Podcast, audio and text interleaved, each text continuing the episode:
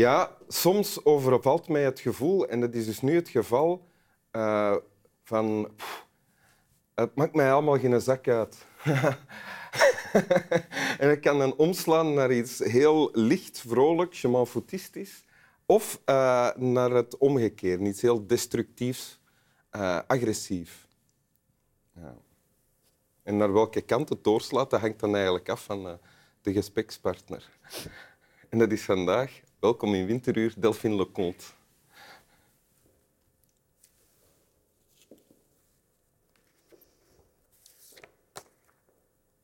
Zeker als je het niet bent. Ik heb de plicht lief te hebben, te werken en gelukkig te zijn. Het is niet mijn plicht om als een stuk ongeluk op een bankje in een plantsoen te zitten en als thema de kleur zwart te nemen en het zwarte uit te smeren over het brood van hongerige mensen en van mijzelf. Ik ben gelukkig. Dat is moeilijk toe te geven, zeker als je het niet bent. Maar het kunt zijn door het te zeggen. Ik spreek uit ervaring. Dagelijks neem ik plaats in mijzelf en jaag ik het ongeluk weg als een kinderjuffrouw.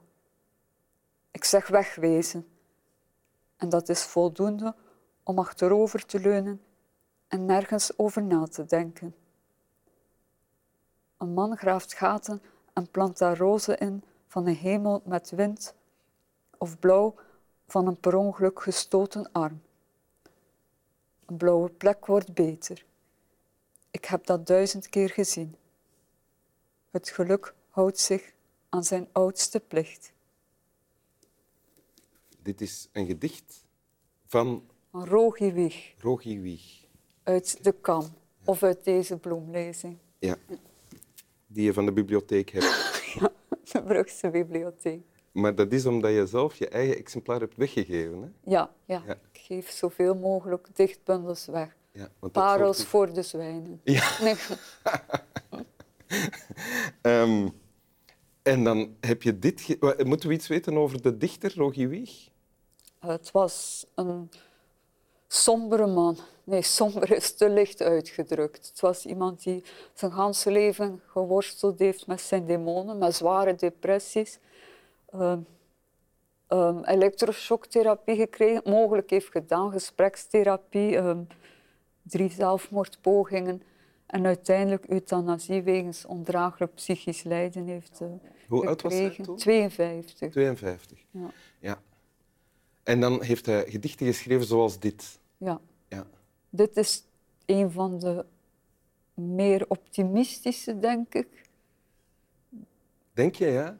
Um, ik, ja. ik vind de allereerste zin, ik heb de plicht om lief te hebben, te werken en gelukkig te zijn, eigenlijk al gelijk uh, in en in tristig. Ja, omdat je voelt, het kost dan blijkbaar inspanning om... Ja, er zit al iets verkrampt in van dit is wat ik moet doen.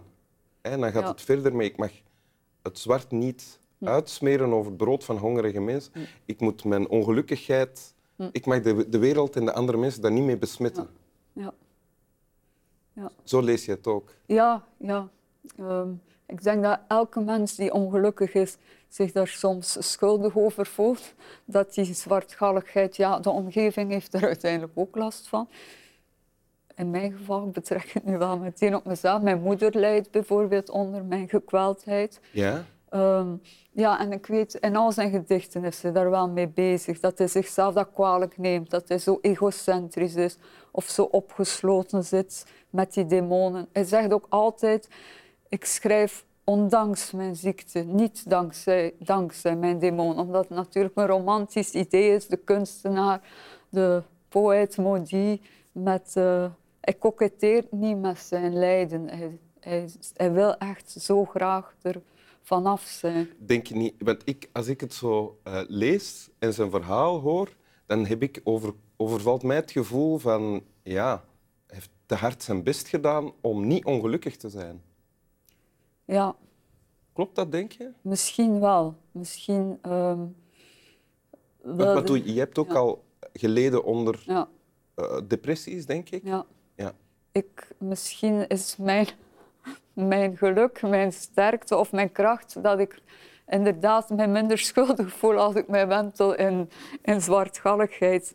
Dat ik maar denk, ja, voort, uh, je moet er maar mee om kunnen gaan. Dat ik dat, allez, ja. mijn omgeving, uh, dat ik mijn omgeving daarmee belast. Uh, ja. Ja. Maar ja, wat wel grappig is eigenlijk. Maar waarschijnlijk, of ik vermoed, veel gezonder. Ja. Daarom leef je nog. Ja, tuurlijk. Ja. Ik kan wel gemakkelijk um, zeggen van ik voel me afschuwelijk. Ja. Het leven is uh, ellende, ik heb geen talent voor geluk, uh, ja. alles kost me moeite. En ook neem het over, neem een stuk over. Ja. Ja. ja. Want waarom heb je dit eigenlijk gekozen? Van, je had veel andere gedichten nog kunnen kiezen, denk ik, van Rogi Wieg. Uh, ja, goh. waarom... Um, um, ik was ook heel erg getroffen door... Ik ben gelukkig, dat is moeilijk toe te geven, zeker als je het niet bent, vond ik heel frappant. En um, ja, ik weet niet, ik werd er tot tranen toe bewogen. Ja? ik ervaar zijn ik las het voor aan mijn beste vriend en die zei, zo somber, waarom ga je daar naar op zoek, naar die somberheid, terwijl je zelf zo somber bent? Net daarom, omdat ik die herkenning voel, maakt het mij net, voel ik mij gehoord en gekoesterd. Um, op, als ik mij heel zwaarmoedig voel en ik word geconfronteerd met vrolijke mensen, heb ik net de indruk dat ik buitengesloten ben. Wie zijn die rare mensen? uh, dan voel ik mij pas een, freak of, uh, of ja. En als je dit dan leest, dan voel je je minder alleen? Ja, ja. ja. ja. Ik ben de eerste om te roepen van oh, troost, troost. Dan moet je niet zoeken in de kunst, maar toch wel. Misschien toch af en toe wel. Maar je, je, voelt dan troost door uh, herkenning, klopt ja, dat? Ja. Ja, ja. Herkenning en die dan ook nog eens op een heel uh, bijzondere manier is vormgegeven. Ja.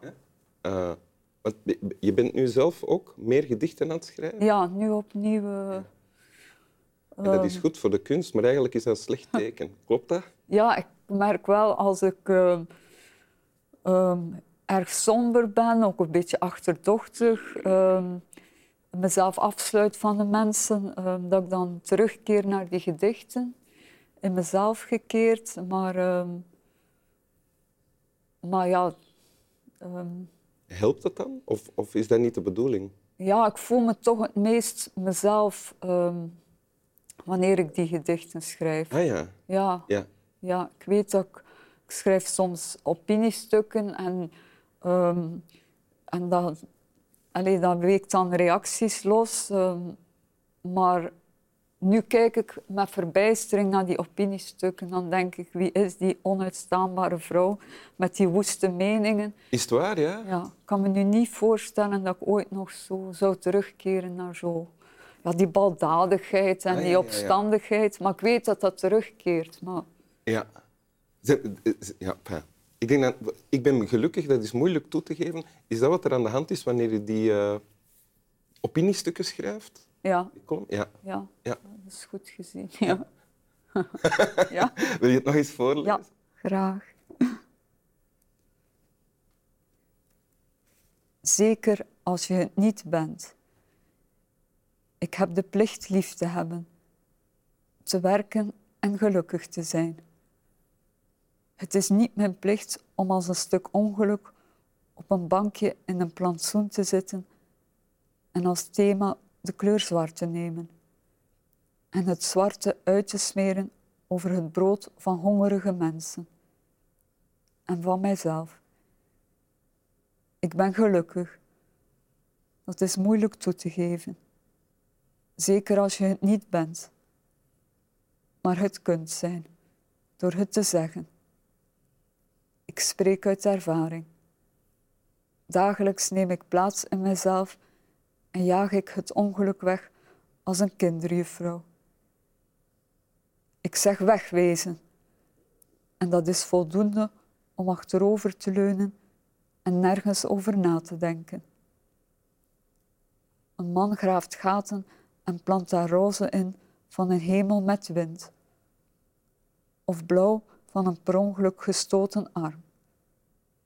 Een blauwe plek wordt beter. Ik heb dat duizend keer gezien. Het geluk houdt zich aan zijn oudste plicht. Dank u. Slap wel. Zeg je ook slap wel? Slag me, Slap wel wie? lieve kijkers.